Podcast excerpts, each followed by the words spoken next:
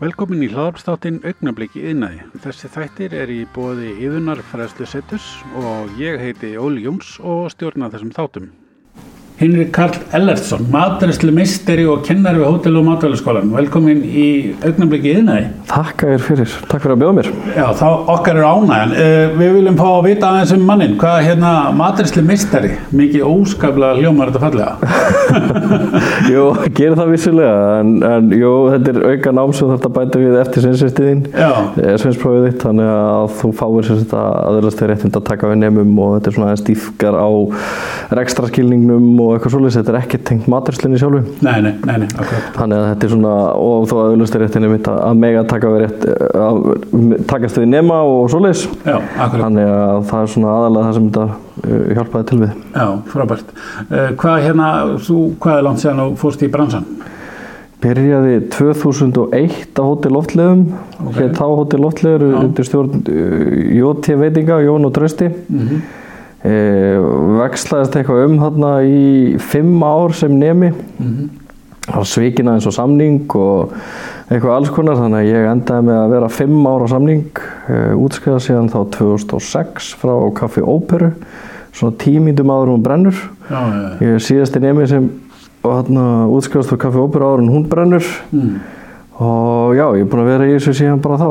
Eiginlega bara streyti löst sko. og hvað kom til og valdur þetta fag? ég var tveggjara gammal stóð upp á kolli heima á ömmu og snýri við lumum þannig að það hefur aldrei verið neitt annað Nei. sem kom til grein einhvern veginn. En upplýfið rosalega tómatilfinningu 2006 í útskrifast og voru ég einhvern búm með markmið sem ég átt allæfi þannig að þá þurfti ég að fara að finna mér eitthvað nýtt og þá var mér tók meistarinn og svo bættist kennararéttindi uh, Hvað hérna svona vinnutímin hefur kannski fælt marga frá hérna að því að þetta er nú svona oft kvöld og helgar og Já. það er ekki tröflaðið neitt? Svona allavega til að byrja með? Jú, það tröflaði mikið til að byrja með. Og Uh, ég hef myndið segið það stundu við nefnunum mína þegar ég er að gefast upp á verkefni núna á síðustu metrónum að hefði ég sagt þér að þú myndir missa öllum ammalum, öllum jólum og þurftir að forna öllu því bara til að standa inn í eldhús og leikaði með nýfa og, og veri í kvítur náttslopp að þú myndir kannski ekki byrja á því sko. Nei, en jú, þetta er vissulega mikil fórn en mér finnst ég fá eitthvað út í því þetta er eh, einstu gleði að fá að fæða fólk og fá bara að sjá upplifun og fá að sjá hvernig fólk upplifi það að þú sittir hérna að tjá þig eitthvað í gegnum þetta Já. þannig að ég líti á þetta í einhverju leiti er þetta listform og einhverju leiti er þetta yðin sko Já. Þannig að þetta er svona svolítið svona blandum þar á milli mm. og þú getur tjáðið, þú getur sagt þér rosalega mikið um hvernig bara þér líður og meðan þú veist að búa til einhvern rétt eða hvað þú veist að gera eða þú er komin á þannig level af, af eldamennsku sko Já. og svo er ekkert minna nöðsilegt að elda bara góðan heimilismat sko. Nei, nei, nei, akkurat. Þannig að Við ætlum að hérna aðeins að spjalla um það sem er að kalla slow food hreyfinguna. Já. Hvað það er og hvað stendur fyrir og, og hérna bara, já bara, bara go for it. Eittur að tala. Uh, ég er þess að dreyin inn í þessa reyfingu fyrir einhverjum 8, örgulega 8-10 árum síðan af henni Dominík Pletil Jónsson sem er svona brautriðjandi í þessum málum á Íslandi. Hún er búin að vera í stjórn og búin að vera formað lengst af á Slófut og Íslandi. Og þetta er svona hugmyndafræði sem ég var byrjar að tilengja mér og hún tók eftir að ég var byrjar að gera. En svona í grunninn snýst þetta svolítið um að virða það sem bæði þekkja framleiðandan á vörunni sem vart með. Eh, þetta var auðvitað uppröndilega stopnað sem svona ansvar við fastfood, þetta er stopnað 1986 í Ítalju og þarna þetta, svona, þegar fastfood er að riðja sér allstað til rúms og er taka yfir allan heiminn en Ítalir sáðu sér hann að leika borði og ákveða að stopna eitthvað sem er á móti þessu sem er að drífa sig og engin persónulegheit, engin svona regenleiki mm. þannig að í grunninn er þetta tannig mótsvara mótið í sko mm. og Carlo Petrini stopnaði þessi samtök hann að 86 og hann, hans hugsun hefur alltaf verið að reyna að hægja áferðinu þannig að þú áttir á því hvað vart með í höndunum. Uh, bæði þú vart að selja vöruna og þú kaupi vöruna þannig að þú sért með einhverjar uh, reynleika, einhver tengingu og reyna að steyðja við lillamannin að þú veist við veslum fyrir eitthvað litlum byrgjum að uh, halda þessu efnaðarshjóli sem er svona, verðurstundum undir í þessum stóra globalismi og svona markas, stóra markashjóli sem verðurstundum til í kringum veitikastæði að maður vestli bara frá einum byrkja, hann skaffaði bæði kjötið og hann græmitið og mjölkavörun og allt saman að þá gleymur þú svolítið út af hverju af hverju þú heldur á þessari vöru sko.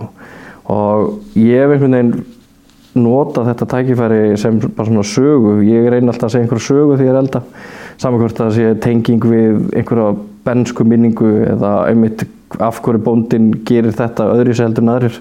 Þannig að ég reynir svolítið að, að nýta þessa slow food hugsun sem svona sögu tækifæri. Þannig að ég hafi eitthvað að segja við fólki þannig að það setjast nýður að það lappi burtu ekki bara satt í maganum og það er líka að fengi einhver svona einhver upplifun. Nei. þannig að það er svolítið svona hugsunum mín í gegnum þetta, þetta food svo eru margir íslendingar búin að tilækja sér þetta eins og Gísli Mattias sem er með skál og slipin hann er mikið, mikið búin að tala um þetta og mikið nota þetta. Dóra Svavastóttir er önnur annar kokkur sem er mikið búin að nota þetta er núna og það er einmitt allt fyrir gegnum þess að svona food hugsun að þú sért að reyna að þekkja reyngarleikar og fullnýting er úrslega mikilvæg í þessu líka. Þú veist þetta fullnýta afuruna þú ert ekki bara að taka nautalundina heldur eftir að taka allt nautið og nýtir hann alveg í held þannig að þú getur að tala um frá, frá hala til tungu og þú sért með alveg bara allt dýrið þarna inn á milli sko. þannig að það er svona í grófum dráttum hvernig e, þessi slow food hugsun e, kemur og svo er bara spurning hvernig hver og einn getur tólkað hana sko. en motto orðin hjá í slowfood eru sem sagt good, clean and fair þannig að það er svona þeir eru svona einhvernar orði í gegnum þetta allt saman að þú getur notast við það að þú sért með góða vöru, hún sér allir séu sáttur við þegar þú keiftar hana bæði bóndi sér sáttur við hvað verðan er að fá fyrir hana og þú sért að fá hana á réttu verði inn sko. mm. þannig að það er svona þessi svona líkil gildi sem við verum að reyna heil, svona aðalega stað þegar við verum að nota þessa, þessa hugmyndafræði sko. Er þetta eitthvað þá sem að kannski veitingastæðir er að branda sig að þeir séu slowfood veitingastæðir? Eða? Það er rosalega mismundi. Sumir taka þetta alveg mjög langt og tilgrind á matselum og gefur þetta alveg upp í hver skipti. Aðrir eh, tala mikið um þetta þegar er að tala um matasinn saman hvort það sé í fjölmiðlum eða í, á, á, bara reynlega að þú ert að leggja eitthvað á borðið sko. Mm -hmm. Þannig að það er eiginlega svona í sjálfsér sett hver og einn getur bara útfært á sinn máta. Þetta er ekkert einhver ein hugmyndafræði, þetta er engin biblía sem þú vinnur eftir. Nei. Þetta er meira bara svona þessi hugmyndafræði að þú hægir aðeins og spáir í af hverju, af hverju eru að nota til dæmis, uh, við tökum bara steinbít á þeim tíma sem hann er ekki í sísoni. Mm. Íslendingar halda steinbítur sér til dæmis í, í ástíð all, allt árið sko. En það kom alveg þrýr, fjóru mánuður á árið þar sem hann er bara hrign og hann er viðbjörslegur. En samt höldum við á matseli af hverju erum við að nota kvíðlaug e, sem kemur allavega frá Kína og það er búið að ferja hann á þremu stöðum þar sem var millilendir einhvers þar í Hollandi og svo í Danmörku og svo í gam til Íslands.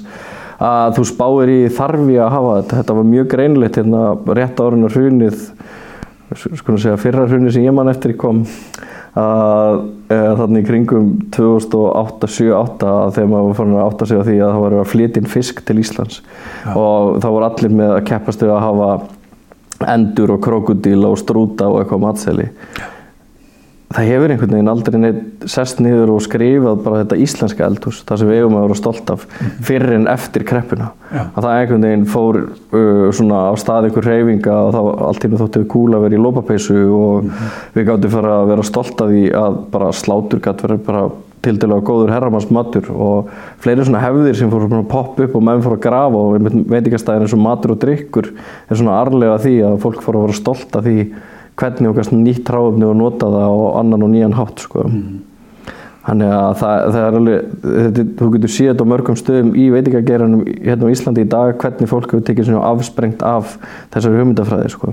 Er þetta ekki líka hvort, að, hvort heldur sem er ársöku aflenga því að við erum að líka kannski að átt okkur að setjast niður lengur og, og hérna einmitt njóta matanis, njóta uh, félagskapar, njóta og hugsa um hvað við erum að borða og svo leiðis heldur en að bara grípa þetta á með góð Já, alveg fyllilega. Og síðustu núna og síðustu vestu tími þegar samkomiðbann hefur verið í langa tíma þetta er svona einu fáu stundin sem maður hefur með einhverjum að sest niður og er að eigða því með fólki sem maður langar.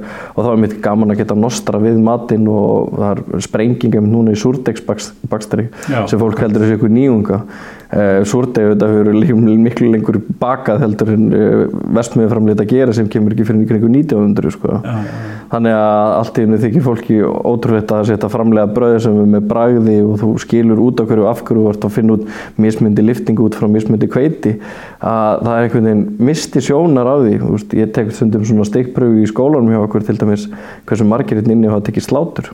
Mm og það er hverfandi líkur annarkvært að bara þeir sem búið út á landi eða eru yfir 35 ára sem eru hafa tekið slátur sko. mm -hmm. þannig að það kemur einhvern veginn svona kynnslóðbíl sem glimtist bara að tala um hefðirnar mm -hmm. það þótti bara eðlilegt að fara fjórumsund og árið til Tenerife og, og þar var bara borðar skyndibitamatur og einhvern veginn var allt svo hratt þannig að ég held að það sé mjög nöðsilegt að reyna svona aðeins að hæja á og skilja út okkur af hverju við erum að nota þessar hefðir og af hverju það er tíðkust Súrsun til dæmis eins og við framkvæmum að leggja allt í mísu þú veist við áttum ekki kæla fyrir bara einhvern tíðan 1920 eða eitthvað að við þurftum bara að gera þetta þetta er ástæðan fyrir að við höfum getað að lifa í gegnum allar þessar aldir á þessari skýta eigi út í raskætti sko. mm -hmm. er út af því að við fundum út leiðir til þess og salt var til dæmis á mjög skortum skamti þannig við gáttum ekki verið að salta hluti eins og aðrir gerði þannig að við höfðum svolítið bara afgangsmjölkina þar segja mísuna og svo höfðu við vindin til þess að þurka og svo komaði mitt upp skrítnar aðferðin eins og að reykja upp úr skít mm -hmm. að taðreykja, þetta er þetta þykir flestum bara stórfyrðulegt en þetta er ekki svona leiðir, en þetta er bara neyðin kent okkur þetta ja. og ég held að mörguleiti ég var kallar í nokkur viðtal þarna þegar ég voru að vinna á dill eftir að við fengum mittsýnistjörn og hvað er breyst svona mest á þessum tíma að það er mitt að hvernig við fórum að hugsa öðru í sig eftir hrunið, hvað hrunið gerði fyrir okkur að það hægði mitt á svona held ég menn fór að hugsa inn á við og fór að einblýna meira á fagmennsku og ég mitt að neytandin væri að fá eitthvað á borðið að þú myndir skapa svolítið svona þína sérstöðu að því það geta allir fengið nautarlind allstæðir í heiminum en það er kannski ekki alveg sjálfgefð þú getur fengið þosk sem að vittur fyrir 8 tímum síðan og þú getur bent á bara þarna í flóin sem að vittur á sko. Þannig að það er svolítið svona þessi sérstæða sem Íslendikar eiga held ég að kynnta undir og núna á komandi tímum þegar er, er gott markasáttak vonandi og svona sóknar tækifæri í gangi að geta kynnt Ísland Íslandsstofa er að mynda að byrja það núna af hverju Ísland er gott land til þess að sækja því okkur tekst vel það sem við tökum okkur fyrir mm. og ég held að þessi matarstefna sé eitt af því sem eigi að, að skerpa betur á og, og, og sinna betur sko. Já, sem, sem neytandi þá líka hef ég verið varfið að, að hérna, fólk svona að tala um veitingastæði er ekki, þá er það hérna eða bara já veitingastæði líka og, og svo líka þau sem getur farið á þessi betri, betri stæði og kiptir háöfnu fyrir það sem vilja elda sjálfur og slúðis að þá er veist, verið að tala um upplifuna, þjónustuna uh, hérna bræðið og jú auðvitað verðið í sumum tilfellum en veist, magn magnið eða hraðan veist, það, maður er ekki að ég fór á steikus í gæri fekk ógeðslega mikið og kom rosalega fljótt. Já, það er engin að spá í þessu bara. Þetta var samt hugsunni þegar, þegar ég var að byrja að læra til dæmis þá var alltaf hvað er sterkasti bjóriðin og, og hvað er staðista steiki sko. einhvern veginn þessu hugsunni hátti hvað fæ ég mest fyrir peningin sko. já, já, og það er einhvern veginn eh, veist, það er bara nýta og það, og það er mitt Við erum farin að noksins að ná því að matur getur verið félagsleg aðtöfn, að, að setjast niður og borða allstaðar í, ég held þetta að koma til, eins og ef við fer til Fraklands þá setja allir úti, þá hafa allir miklu lengri tíma að því það er úti einhvern veginn. Bönnið þurfi ekki að vera að sopna klukkan 8 einhvern veginn að því það er allt meira svona leit bakk einhvern veginn, mm. en íslenska rútínan einhvern veginn býður upp á það bara að þú þurfi bara að borða klukkan 6.30 og samt vinnur 9 tíma vinnudag og þarfst að vera komin heim og búin að elda klukkan 6.30 mm og bæði fórhaldar út að vinna Þannig ég held þetta sé svolítið svona sjálfskapa viti einhvern veginn, það langar öllum að vera að nýta þessa hugsun. Það, segir við hann, jú auðvitað langar mig að vita hvaðan hráfnum mitt kemur og eitthvað en það þarf að kosta það rétt og það þarf að vera auðvöld að nálgast það. Þannig að ég held að ábyrðin eins og krónan hefur að gera þetta vel að þeir eru með svona andlit á bakvið vöruna. Já. Þeir eru með bændamarkaði þegar uppskriðtími er á græmitinu. Mm -hmm. Þeir eru komið fiskbúðir þar sem er fisksali að selja þér. Þeir eru með kjötborð þar sem þú sérmist ást einhvern veginn að vinna við það sem þú getur fengið. þannig að það er svolítið búið að bónus hljóp með þetta svolítið langt yfir í það að þetta átt að vera svolítið svona allt kompakt og tilbúið og gerast rosalega hratt en ég held að króna sig svolítið að taka tilbaka og þeir eru að leita líka í þessar litlu framleiðendur mm. þannig að auðvitað stór, stjórna þessar stóru keðjur rosalega miklu því að því þú ert kannski með innköpið á 85-90% markaðanum fyrir gegnum þau mm. að þeir augljóslega stjórnar rosalega miklu hvernig hvaða neytandi lifur, nei hvaða framleiðandi lifur og hver ekki sko. Mm -hmm. Þannig að það er mikil ábyrg sem liggur á þeim en úr samanskapi held ég að fólk þurfa að gera sig grein fyrir þessu. Það fólk þurfa að átta sig á því að það hefur fullt af vald. Ef þú vestlar ekki einhverju vöru þá selst hún ekki og þá fyrir hún úr sölu. Mm. Þannig að ef þú sýnir það og þú viljir ekki vera að kaupa einmitt uh, græmiti sem er ekki endilega í sísun og búið að flytja yfir hálfan heiminn það er alveg eðlilegt að við fáum ekki eitthvað ráfni alltaf árið umkring Já. það væri rosalega undarlegt ef það væri alltaf þannig að við fáum bara að jarðabér séu bara alltaf til Já.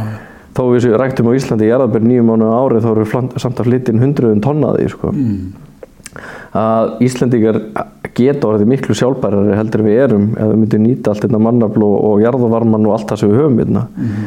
að við hefum einhvern veginn bara vanist upp í það að það verður alltaf bara hliðin að það er ekki hægt að fá blómkál sem hefur sko, þryggja vikna uh, eh, sísóntíma þannig að það er ástíðin og blómkvæli cirka på þrjár vikur á Íslandi en ef það getur ekki fengið allt árið þá verður allt brjála sko. mm. en ef það fer til Fraklands og byrður um aspas á villumsinn tíma þá er bara hleyjaðir sko. já, já. það er bara að hugsa veist, það er bara ekki ástíð núna af hverju ættir að vera að vilja borða það af því að það kemur alltaf nýra hráöfninu ef það er búið að flytja það það er búið að spreyja það með einhverjum efnum það er búið að gera svo margt við það að það er einhvern veginn, þú farið aldrei saman bræði og, og þú stendur út akri og borðar í jarðaberi eða búið að flytja allavega frá Kaliforníu eða eitthvað það annað lengra sko. Já, já. Það, það er líka hérna, kannski, þú ert að tala um eh, hérna, eins og í krónni það sem að sést eh, hvað fólk er að gera sko, er að pakka og vinna kjöt og svolítið eins og maður farið á einhverja veitingastæði þess að maður sér kokkana elda og svo og svo náttúrulega þessu brauðokó sem er orðið mjög vinsað það sem sér bakarinn að baka. Það er svona meiri sínileiki það er ekki feluleikur Þú ert að tengja við þessa yðin veist, þetta handbræð sem við viljum sjá. Að handbræði er svo mikilvægt að þú bæði fær tröst, þetta vekur tröst hjá viðskiptuðinunum að þú getur sínt fram á hvernig þú ert að elda þetta er þetta sjó líka, þetta er upplifun. eins og í bröðakó þú lappar inn og það er alltaf ný bröðrikt og, og ég þekki Gústa ágætlega sem á bröðakó upprunnilega var ástafan fyrir því að það var ný baka bröð alltaf því það voru bara svo lítill opsið átti þú átti ekki meiri peninga þegar þú opnið að þið þurfti bara að vera baka allan daginn til þess að eigu onni sko að það væri þetta miklu hafkamar bara ekki eins og millan og þú ja. bara kerir eina keislu klukkan 6.30 og svo er bara allt bröðið klárt sko. en þetta er partur upplifun að fá voltur umstykkið þú ert að fara að borða það að það sé ekki búið að standa allan daginn að þú horfir á veiðumannin koma inn með fiskin sem þú ert að fara að borða og svo ferðu einhverja sjáarættapönnu eða eitthvað eins og litlu stöðum sem eru út á landi eins og tjöruhúsið og flerum mm. að þú, þú ert með þessa tengingu uh, slipurinn ég nota nátt sem gott dæmi að hversu styrlaði það að þegar þeir opnuðu sin veitikastæði í Vestmannum þá vildi ekki selja þeim fisk. Mm. þeir gáði ekki fengið fisk í Vestmannum og ég veit um tvo veitikastæði á höfn sem get ekki fengið humar á höfn sko. og humarinn sem þeir fá kemur úr Grindavík. Þannig að þetta er svo, mikið, þetta er svo fjarlægt þetta er bara eins og í Vestmannum þeir segja bara neður þú ert að vestlalt og lítið við nennum ekki aðgreða þig. Já, já. Og, og höfn, hann, hann er veitur kannski á höfn en sendur í vinslu í Grindavík og svo hann afturkerður austur. Ja. bjórin sem er framleitur í Viking sem fyrir vimbúðuna í átjóðaferr fyrir norðan, hann er kerðið söður í vöruhús og svona keft aftur norður sko. ja, ja. þetta er svo, svo störtlað að við séum að, að bara gera þetta, það er svo rámt einhvern veginn við þetta, þetta er veginn þegar fyrirtæki verða of stór einhvern veginn mm. að þeir missa svona sjónastæð held ég á því hvað, hvað framleiðslan var í upphafi sko. Mjölk sem er framleitt í einhverstaðar út á landi, kerið oft mörg hundur kílómetrar og setja baka aftur og... alveg fyllilega sko, oststykki sem framleitt einstum um eitt kert fram og tilbaka og mm. eitthvað svona sko, þannig að En það er líka hérna svona hefur maður séð undarfarið svona í bara í matvæla framlegslu eins og hérna svona nýsköpun eins og maður hefur séð hérna snakkur, rófum og, og, og, og margt þeirra sem er hérna skemmtilegt. Og það er kannski líka partur af þessu þessari hugsun, er það ekki? Ég held þetta komið til út af kreppu, menn uh, eins og Svavar sem þú veist að nefna mm. hann fyrir austan mm -hmm að hann kaupi bóndabæ og hann þarf að fara að rækta eitthvað og gera eitthvað mm. hann er með frábæra hugmyndin, hann þarf að framlega eitthvað hann byrjar að framlega bulsur mm. og svo er núna komið Bob Já. Nú hvað er það? Þekki það er þessar flögur úr, er bygginu sko. Já, já, og svo eru komnar hérna, ljótar kartöflur afgangskartöflur í þykkabæðinu sem voru nýttar í, kartöflur bara chips.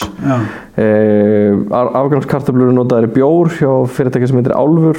Já, eh, ný sköpun eins og að við getum að er wasabi íslenskt. Nú er íslenskt wasabi framleitt á Íslandi. Já, Þannig að ég held að það sé bara svona tíu ári í það að fólk getur fara að tala um íslensku matahefð því að bara ég jafnvel geta að tala um það núna að íslensku matahefð sé að nota íslenskt wasabi. Já, að ég vann á veitingastað eins og ég sagði áðan hann á Dill þar sem við vorum að reyna að vinna eftir einhverju manifesto sem heitir Nordic Cuisine eða svona ný norræn matargerð.